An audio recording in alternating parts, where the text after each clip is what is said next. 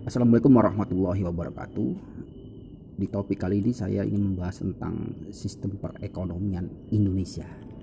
Nah, seperti kita ketahui bahwa pelaku kegiatan ekonomi itu ada tiga, yaitu rumah tangga, perusahaan, dan pemerintah. Nah, agar ekonomi dapat berjalan, maka diperlukan suatu sistem perekonomian di mana sistem perekonomian sendiri adalah satu kesatuan yang terpadu secara holistik yang di dalamnya terdiri atas bagian-bagian memiliki ciri dan batasan tersendiri. Nah, di dunia internasional itu dikenal ada tiga macam sistem ekonomi, yaitu pertama adalah ekonomi pasar liberalis kapitalis, yang kedua ekonomi perencanaan pusat sosialis komunistik, dan ekonomi campuran saya ingin membahas tentang ekonomi pasar liberalis atau kapitalis ya ini adalah sistem perekonomian yang kegiatannya dikendalikan sepenuhnya oleh interaksi antara pembeli dan penjual. Nah, kemudian pada sistem ini terdapat keleluasaan bagi perseorangan untuk memiliki sumber daya ya dalam memenuhi kebutuhan hidup. Nah, jadi di sini adalah diberikan kebebasan untuk mengelola segala sumber daya yang ada dikelola di suatu negara. Adapun beberapa negara yang menganut sistem eh, ekonomi pasar liberalis kapitalis di antaranya adalah Amerika Serikat, Hong Kong, Australia, Argentina, Brasil, Jerman, Belanda, Afrika Selatan, India, Korea Selatan, Jepang, dan berbagai negara lain.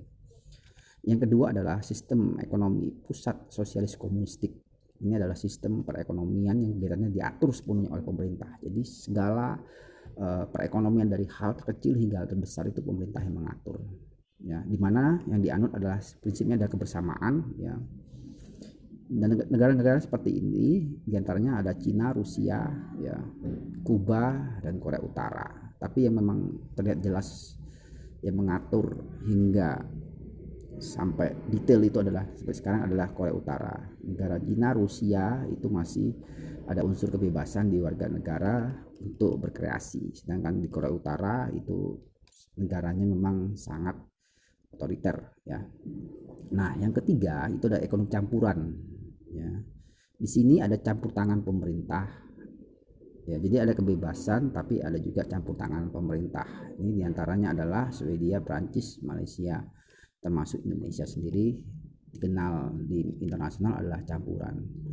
Akan tetapi ya meskipun Indonesia secara internasional dikenal sistem ekonomi campuran tapi di Indonesia sistem ekonomi kita adalah dikenal dengan nama sistem ekonomi Indonesia.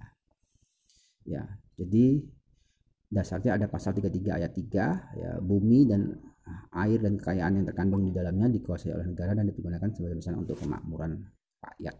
Jadi di sini negara melindungi dan mensejahterakan rakyatnya sehingga sistem ekonomi Indonesia itu dikenal dengan namanya adalah sistem ekonomi Pancasila kerakyatan.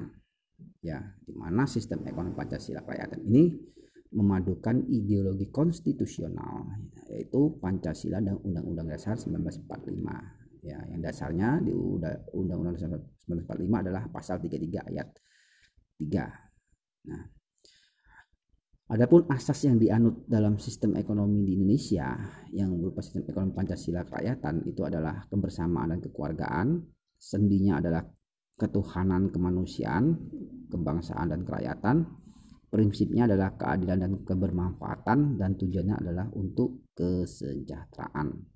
Nah, di mana landasan kebersamaannya itu adalah sistem sosialnya berupa gotong royong dan sistem politiknya adalah musyawarah. Jadi di Indonesia ini sistem ekonomi Pancasila kerakyatan ini adalah sistem ekonomi yang mengarah ke kekeluargaan ya dengan landasan untuk sosialnya berupa gotong royong, untuk politiknya adalah musyawarah. Tentunya musyawarah untuk mufakat.